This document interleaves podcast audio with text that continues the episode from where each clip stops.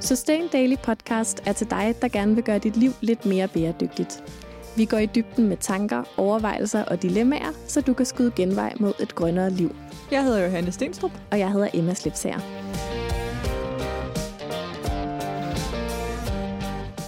Hej, det er Emma her. I dag, i det her afsnit af Sustain Daily Podcast, der er det mig, der får lov til at introducere helt alene. Og det er fordi, at øh, Johanne hun træder ind på scenen lidt senere og øh, stjæler alt rampelyset. Vi skal nemlig bruge øh, dagens episode af Sustain Daily Podcast på, at alle jer, som lytter med, får en lille teaser, et smule lyt øh, ind i øh, en ny podcast, som Johanne hun simpelthen har kastet sig over at lave. Podcasten hedder Bedre Mode, ligesom Johannes blog hedder Bedre Mode, og øhm, hvis I har lyttet med her i Sustain Daily Podcast, så kan I nok godt nogenlunde gætte jer til, hvad Johannes nye podcast handler om. Den handler nemlig om alt det, Johanne allerbedst kan lide at tale om, og alt det, som jeg allermest elsker at høre Johanne tale om. Det handler om tøj, det handler om mode, det handler om materialer, det handler om tøjhistorie, modehistorie, materialernes historie.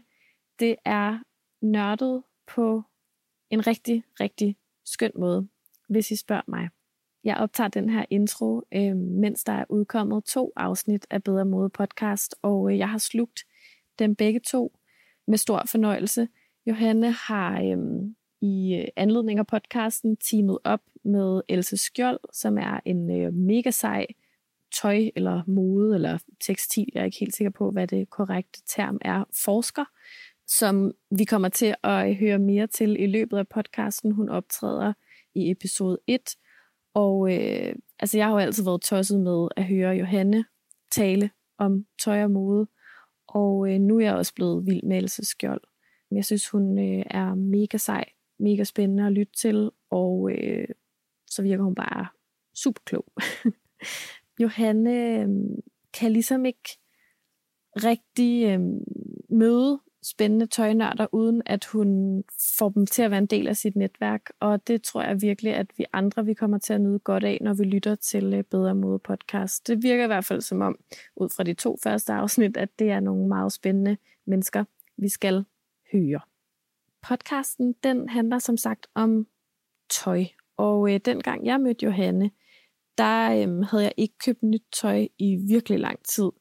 Og øh, jeg havde anlagt mig lidt sådan en holdning om, at øh, det mest bæredygtige, man kunne gøre sådan på tøjfronten, det var bare at lade være med at købe noget.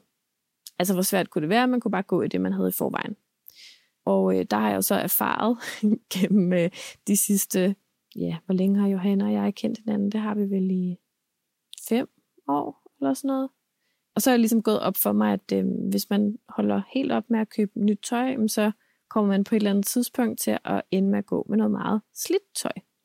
Øhm, så jeg har selvfølgelig øh, kastet mig over at anskaffe tøj øhm, i den tid, jeg har kendt Johanne.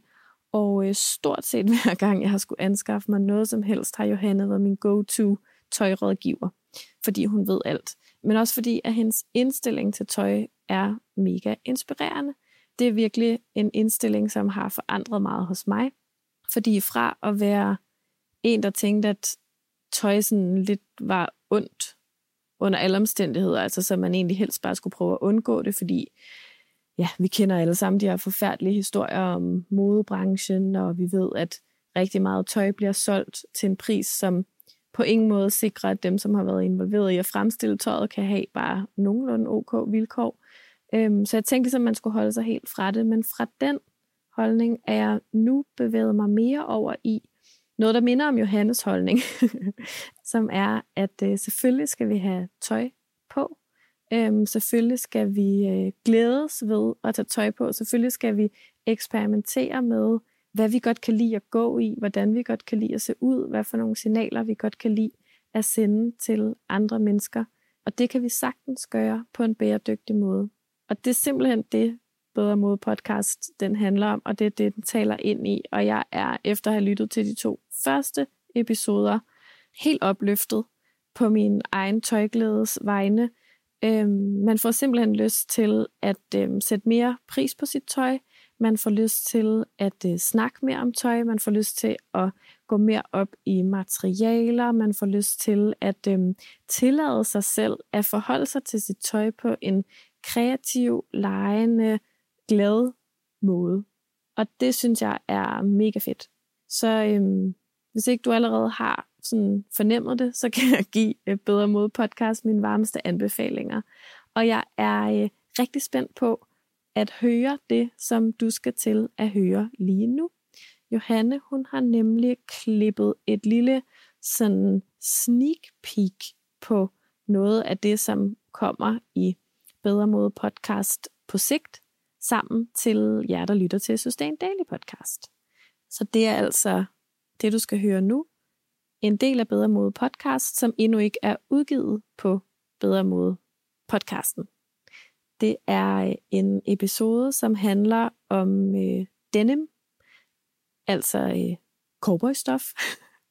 det handler om øh, repair caféer, og det handler om øh, noget, der hedder visible mending, som handler om at øh, fikse, reparere sit tøj på en synlig måde.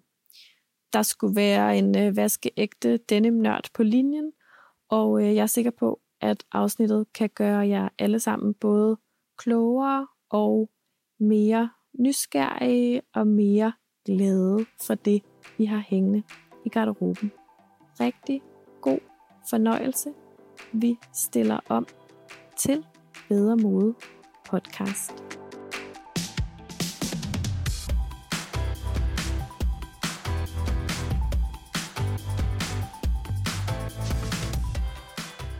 Hej. Som Emma har fortalt, så øh, har jeg, Johanne, startet en ny solo-podcast. Den hedder Bedre Mode, og det du skal høre nu, det er en kort version af et interview, der kommer til juli. I det her interview, der snakker jeg med denim connoisseur Allan Kruse, og øhm, en større jeansnørd har jeg aldrig mødt, og jeg elsker at møde nørder. Du kommer med øh, hjem til Allans barndomsgade, hvor han havde en vintagebutik, med til Japan, og så skal vi også smutte forbi en repair shop. Altså et sted, hvor du kan få repareret dine jeans, hvis du bare indleverer dem. Det er nemlig en del af en ny kultur, hvor vi i højere grad sætter pris på vores tøj, og sætter pris på at få det langtidsholdbart. Og for at få tøj til at holde længe, jamen så kræver det en gang imellem, at man reparerer det. Det hele det er en del af den trend, vi kalder visible mending. Og øh, hvis du hører godt efter, så kan du høre Allen sige, at det på ingen måde er nyt. Men det er på vej tilbage, og det skal du høre lidt om i den her podcast.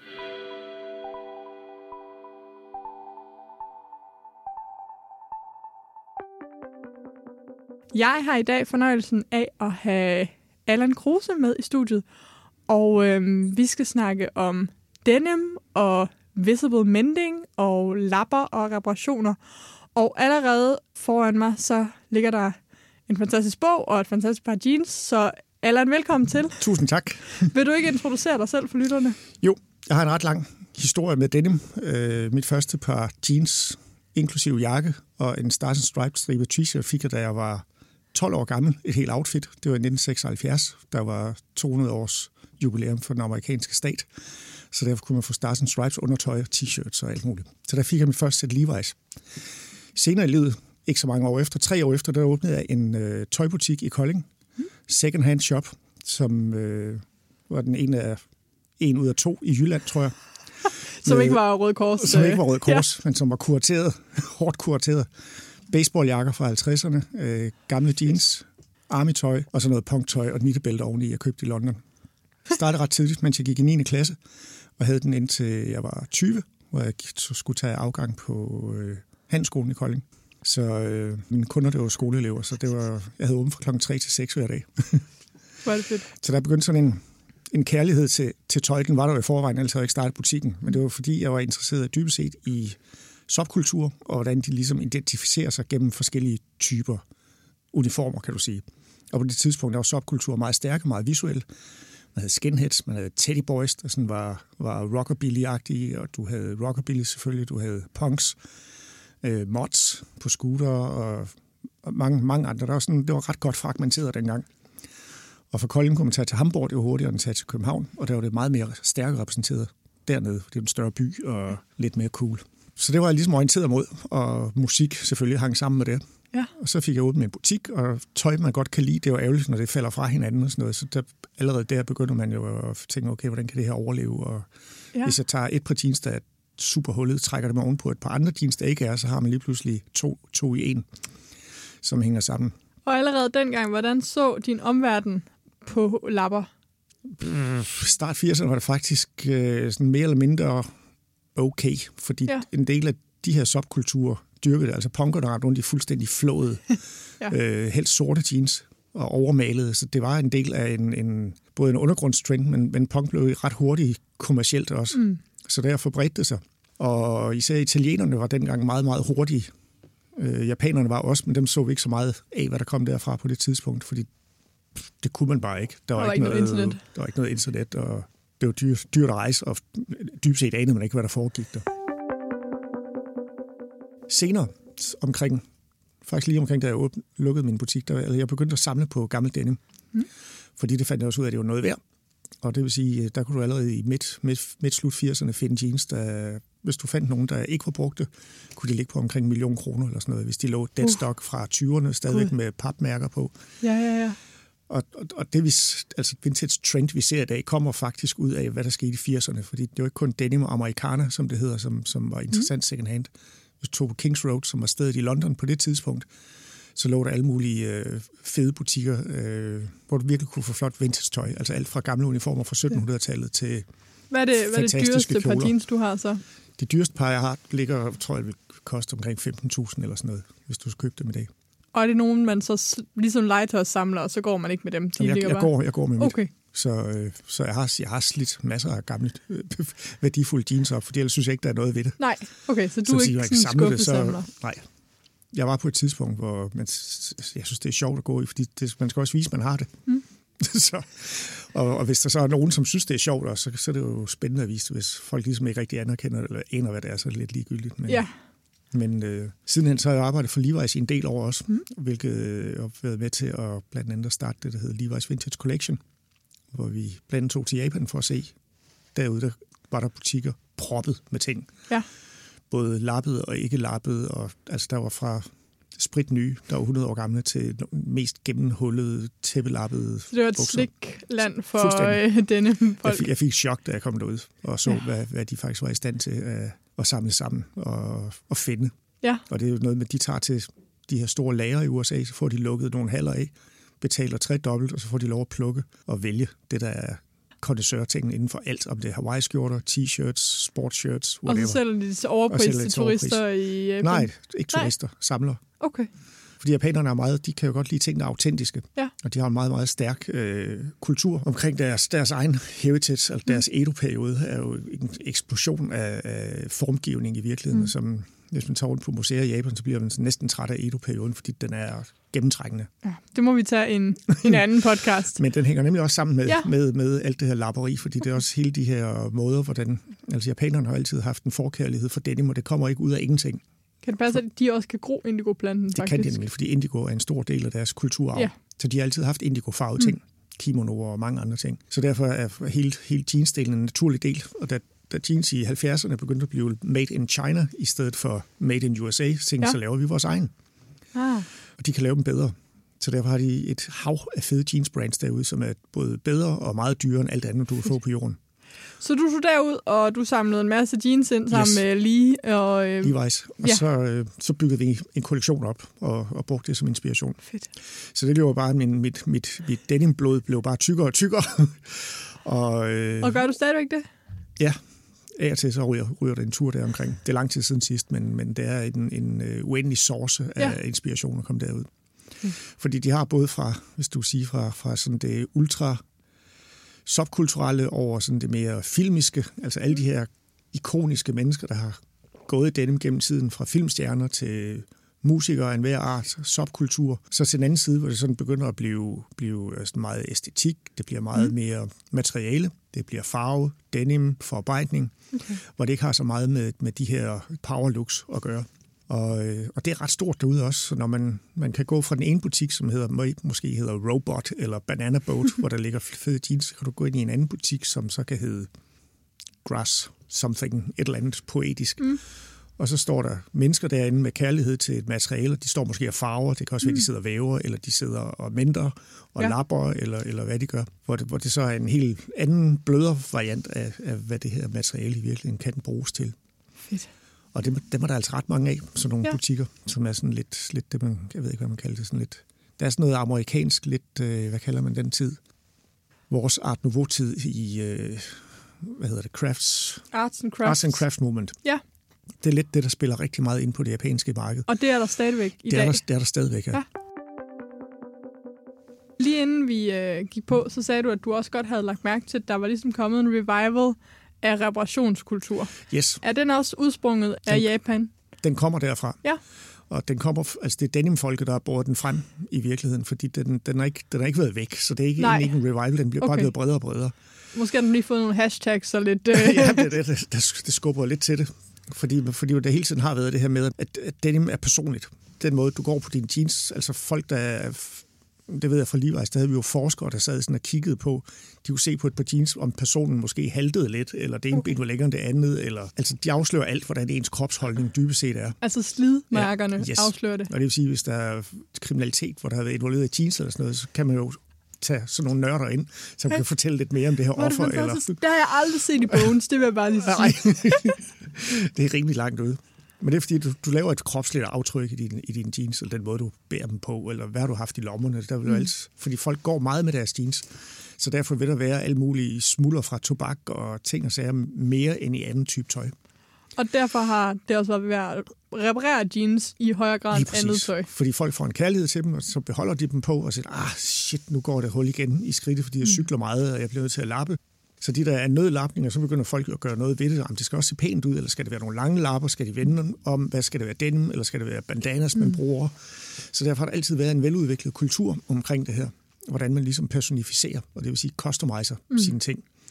Men hvis du ser på samfundet sådan generelt og den æstetik, der har været, så synes jeg, at altså, lapper har sgu ikke altid været cool, og jeg er kun 28 år. Ja. Men altså, der, er- der er sådan en, man skal ikke se slidt ud, kultur, som ligesom er kommet. Mm. Og nok også efter, at punk-æstetikken Ja, døde igen. ja, ja.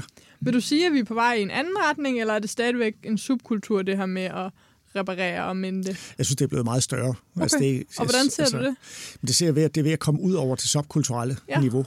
Det, det er heller ikke noget nyt. Altså, jeg var barn i 70'erne. Jeg havde jo jeans med, med kantebånd på, fordi de blev for oh, ja. korte. Og det var også en form for lapning i virkeligheden. Så sætter du ekstra, ekstra stykker på. Ja, ja, ja. Og dem kunne du købe i metermål i alle mulige butikker, hvor der stod jeans, love, peace, og der var blomster på. Så det var sådan en big business. Ligesom man også købte patches, mm. som Strygemærker. en på hver Ja. dag. Et A.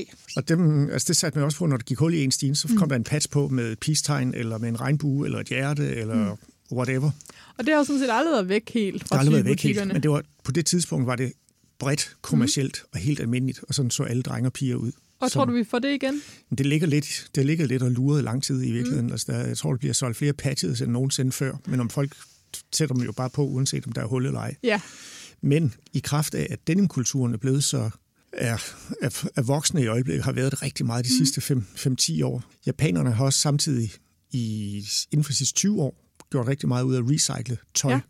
Og det vil sige øh, dybest set lavet lappetøj, som nu selv i vores egen mode uge sidste uge så et lille brand, der hedder Division, det gør lidt på samme måde. Ja. Klipper to forskellige ting op og syr dem sammen.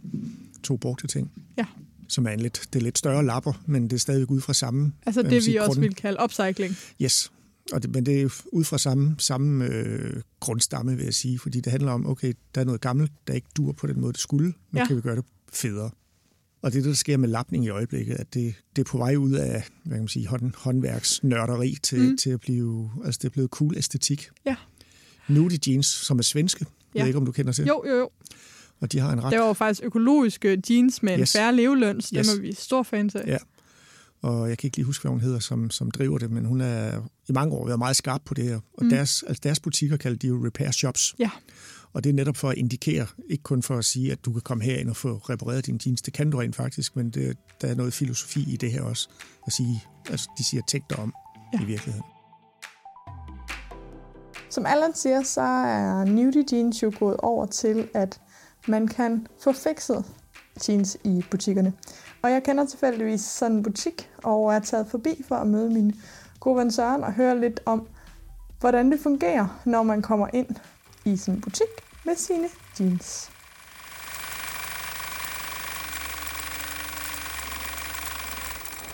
Hej så. Hej Johanne. Så står vi her ved symaskinen. I er jo nudie repair partner. Og man kan komme ned med sine hullede jeans. Hvordan fungerer det?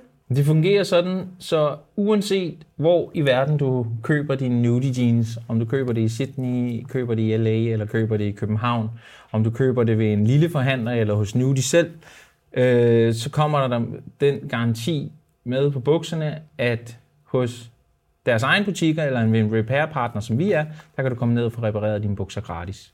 Og det er lynlås, det er man kender rigtig mange skridtskader i København, fordi vi cykler meget. Det er en skade, man ikke kender i Tokyo. Der er mere lommereparation og knæ, så det kan variere. Men vi reparerer, jeg vil sige, 8 ud af 10 par. Det er med, øh, med en skridtskade på grund af cykel. Fedt. Og I reparerer også andre jeans, man kommer ned med. Øhm, hvad koster det? Jamen, den, øh, vi starter på, på 150 af udgangspunktet, øh, og så, øh, så går det op derfra det kan også godt være en lille smule billigere, hvis det er et lille hul omkring en lomme, altså som tager et splitsekund at lave. Så kan man også være heldig, hvis det er den rigtige tråd, der sidder i symaskinen, jamen så er det jo overstået på to, to sekunder. Ja. Og hvor mange bruger det? Altså, øhm, er det niche, eller er det noget, I har mega travlt med? Det er stigende. Øh, første året, hvis ikke jeg husker forkert, vi reparerede, der reparerede vi nogen af 60 par. Tredje året reparerede vi knap 400 par. Kan du se det her fungere i alle slags butikker? Altså, tror du, alle mærker kunne indføre den her øh, service? Ja. Det, ja. Altså, jeg kan ikke, jeg, øh, øh, man skal selvfølgelig gøre op med nogle, nogle øh, skal passe på, hvad jeg siger, men måske en lille smule gammeldags tankegang, eller moderne tankegang omkring, hvad detail skal være. Øh, fordi hvis, hvis man bruger ordet gammeldags, så kunne du jo gå ind til hvilket som helst butik førhen, og så vil de have en skrædder tilknyttet, og du kunne få tilpasset dit tøj. Så den moderne detailindustri, der handler det jo om ikke at få repareret og få ændret, og for, fordi der skal vi bare skifte ud. Så hvis man, øh, hvis man er villig til at øh, tænke en lille smule anderledes, øh, og se det som, som øh, en investering i kunden og i loyalitet og tillid og klima og alt det her, øh, så, øh, så, så kan alle gøre det.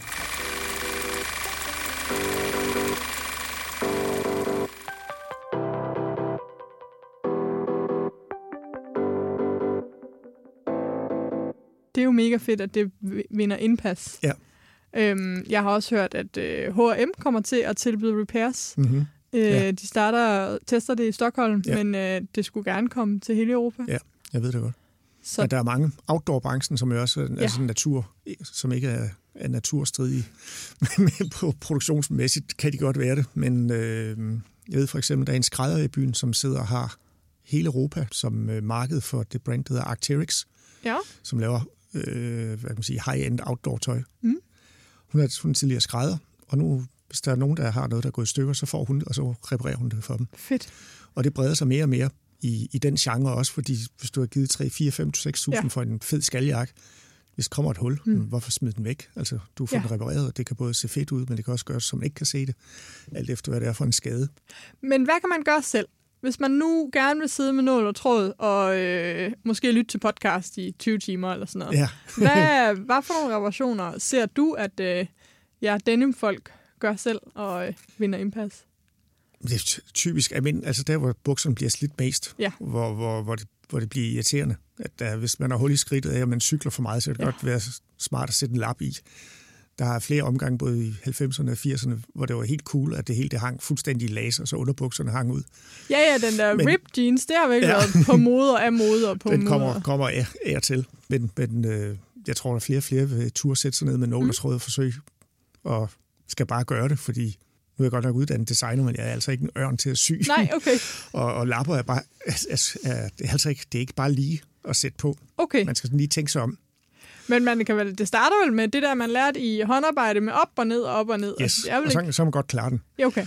Men, det bedste er jo sådan fedt at nu, nu går jeg så lidt op i mine lapper, og Ja, så jeg skal jo lige, altså jeg gemmer jo de jeans, som egentlig enten bliver for små, fordi når man bliver lidt ældre, kan man godt blive lidt tykkere, eller hvis de bliver ødelagt på en måde, hvor det ikke giver Mm. mening at lappe dem, så klipper jeg det af, der kan bruges til lapper, og har en stor ja. kasse fyldt.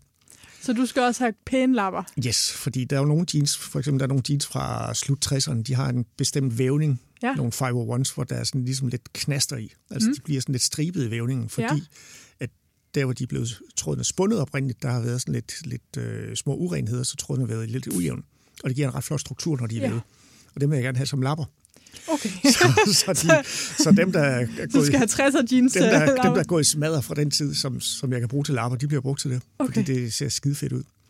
Er du Men- måske ikke typen, der så putter en farvet lap i, eller sådan lidt regnbuestof, eller sådan? Nej, det bliver blåt i blåt. Okay. fordi jeg er helt syg med de blå farver. Der er nogle mønstrede ting, som godt kan være, være fedt. Altså bandanaer, som også er en del af det amerikanske øh, æstetik, mm. kan også være fedt. Men nogle gange så bliver det sådan for meget at se her en lap. Øh, Ja. ja. Ja, det ved jeg ikke. Det, det kommer ind på... Det vil være, man er til derude. Ja, så jeg sige... Bliver det, er der en strukturel grund til at vælge, at man denim lap holder det bedre, hvis det er en denim lap på denim bukser? Det gør det, fordi hvis du, hvis du har noget tyndere stof under, så, så er det ikke sikkert, at syningen holder så godt sammen. Det kan skride i, i, Mm. øh, i stoffet, faktisk, tråden. Og helt efter, lavpraktisk. Er lappen under hullet eller over hullet? Det er også forskelligt. Okay. Det kommer også an på, hvad man vil. Altså mange af dem, der virkelig, sådan, virkelig gør noget ud af det i dag, der lægger du den under. Ja. Men det, der så er svært der, det er selve det hul, du har. Hvis mm. Det ikke er regulært, der skulle du have foldet ligesom kanten af hullet ind, så Ja. du får en, en, en blød kant, så du ikke har en flosset kant. Mm. For din Øhm. flossekant kan blive ved med at flosse. Det kan blive ved med at flosse. Det kan også have sin æstetik og se fedt ud. Øh, Ja, ja, du har et par jeans med i ja. dag, som er meget flosset. Fordi der har jeg lagt lapper under, og der lader jeg tingene ligesom gå i stykker udenpå, så Ja. der kommer til at hænge en tynd hvide tråde i, det ved jeg ikke, det, det synes jeg bare ser super fedt ud. Ja. At, at de sådan ligesom det der forfald, det, det ses tydeligt. Der har denim jo også den fantastiske kvalitet, at stoffet er blåt, men trådene er hvide. Ja. Som jo er så fantastisk. Yes. Ja, du har en blå og en hvid tråd i virkeligheden. Ja. Ja, det er vel sådan, det fungerer. Ja. En tvildvævning.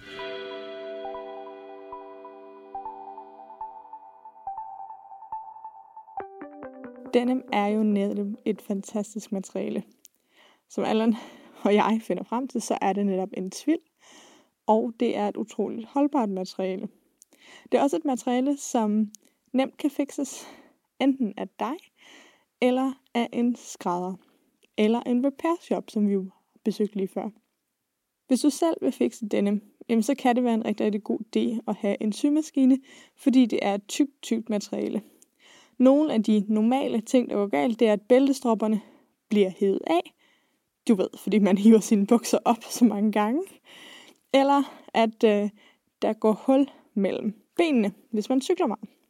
Begge dele kan fikses ved, at man lægger et stykke stof indvendigt og laver en masse zigzag-sømme over.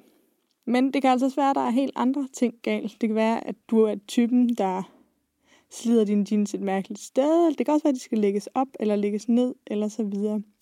Her kan det altså være en rigtig, rigtig god idé at gå til en skrædder. Og øhm, der er der på ingen måde noget galt i.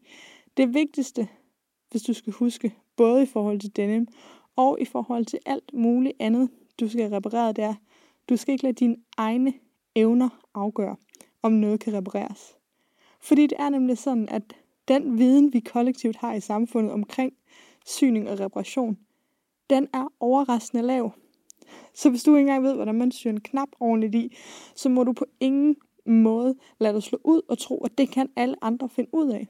Fordi det kan vi ikke. Og det er helt okay. Men du skal også bare vide, at det meste tøj kan fikses, kan repareres. Så gå til en skrædder, gå til en professionel, der kan få det fikset for dig. Og øhm, det er faktisk slet ikke så dyrt. Normalt så ligger priserne et sted mellem 200 kroner og 500 kroner for de mest almindelige reparationer eller tilpasninger. Så er stadig med dig. Kig ind i garderoben. Har du noget, der trænger til at blive fikset? Og så få det gjort. Måske især i den her tid, hvor du er lidt mere hjemme.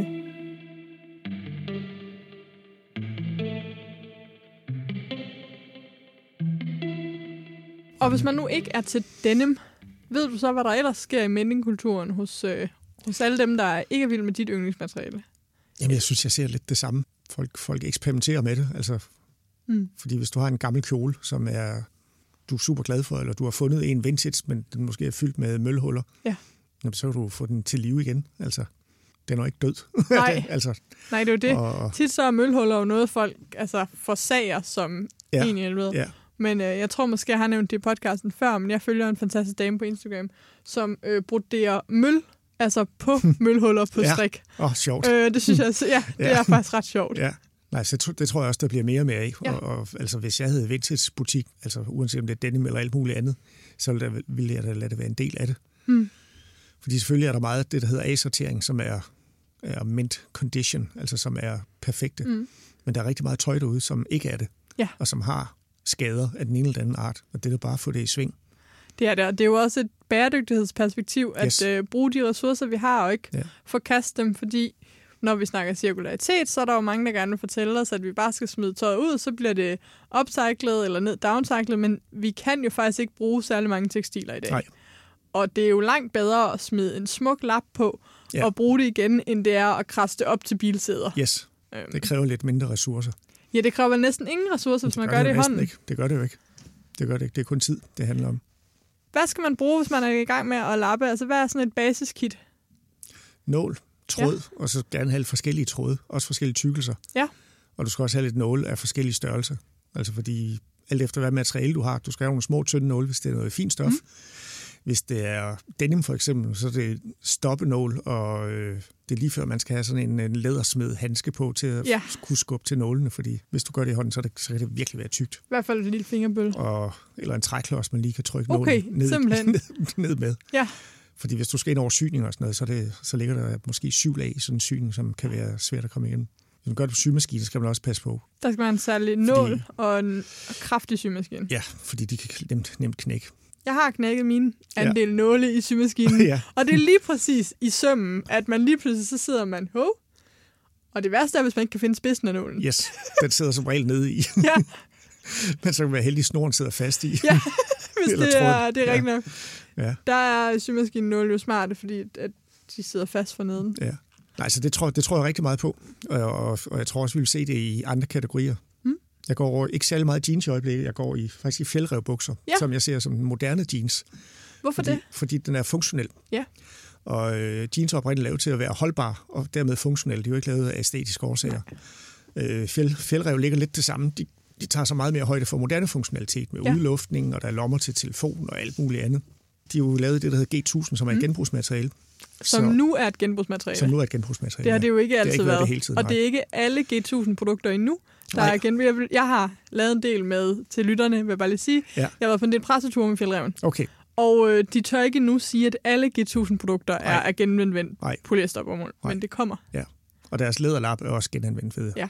Så, så jeg prøver at se, fordi jeg kunne godt tænke mig, når de bliver slidt i smadder, og prøve at begynde at lappe dem og se, Ja. hvordan, hvordan vil den æstetik være, fordi det tror jeg kan se rigtig fedt ud. Jeg har et par, hvor det er helt kanten for neden, der er gået i smadder, Mm. så de, de flosser. Og det, det ser ret godt ud, faktisk. Reparation og mending har en langsom kvalitet. Ja. Og øh, i for de her tider, hvor vi er skærmhovedpine mm. og mm. er virkelig, virkelig træt af at kigge på blå lys, så kan ja. reparation jo også noget der. Det kan er det noget, du også oplever? Ja, det er det. Altså, fordi der, der er noget, et, som du siger, fordybelse. Når du laver noget med hænderne, så kan det næsten blive meditativt. Ja. Uanset hvad det er, om det er mending eller om det er alt muligt andet. Men det der med, at man sidder og laver noget, som man, man gør helt, altså er Mm. der også noget psykologisk skide godt i, tror jeg. Ja. Og, og, Altså og, se- selve det at reparere. Ja. frem for bare at lave håndværk. Yes, fordi du gør, her det dur ikke, nu dur det igen. Altså, mm. det kan Mm. selvfølgelig også være at reparere en radio, hvis man kan finde ud af det. Men det der med, at man, man skaber, du Ja. skaber noget med hænderne, og din, dig selv, altså med krop, krop og ånd er det jo, det er jo begge dele. Ja. og man føler, det giver mening for en selv. Det er der noget, noget enormt selvudviklende i, tror jeg. Ja. Og det tror jeg, der er mange, der oplever, når de begynder at sidde og fidle med ting. Uanset om man sidder og skriver på sine jeans, eller mm. sin All-Star Canvas sko øh, bliver malet op. Når man er teenager, så tænker man måske ikke så meget over, hvordan det påvirker en indvendigt. Nej. Men, men jo ældre man bliver, så begynder man at opdage de her små finesser, Ja. som faktisk har indvirkning på en, og som føles rart. Altså, Så ligesom vi har i dag, så ser vi en opblomstring af sådan noget haveterapi i psy- mm. psykoterapien. Ja, yes. Det var, vi skal se. Jeg skal bare tage lige det med til mine psykologvenner og høre, om de vil bruge øh, lapper som øh, praksisform. Jamen, jeg tror, altså, man har altid haft håndarbejde som noget terapi i Ja. forhold til folk, som ikke har det specielt godt og sådan noget. Men vi er jo mange derude, som måske godt kunne bruge lidt fordybelse og selvudvikling. Plus, det, er- det er et frirum Ja. også. Altså det der med, at man skal fokusere på en lille bitte ting på 5 gange 5 cm eller 10 gange 10 cm, det er slet ikke dumt. Fantastisk. Jamen, øh, det er nemlig slet ikke dumt at komme i gang med at reparere sit tøj. Jeg håber, at øh, I blev klogere derude, og tusind, tusind tak, Allan, fordi du Velbekomme. ville øh, give os indblik i den her verden.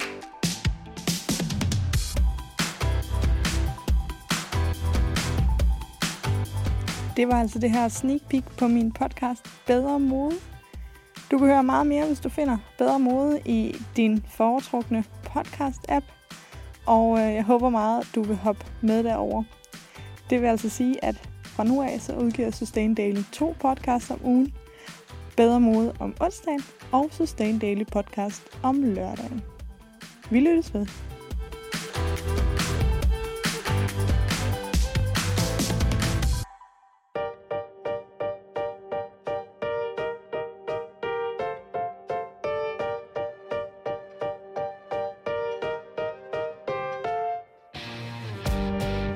Fordi du lyttede til Sustain Daily podcast. Det betyder vildt meget for podcasten, om vi får nogle anmeldelser. Så når vi nemlig længere ud og kan få spredt det grønne budskab endnu bedre.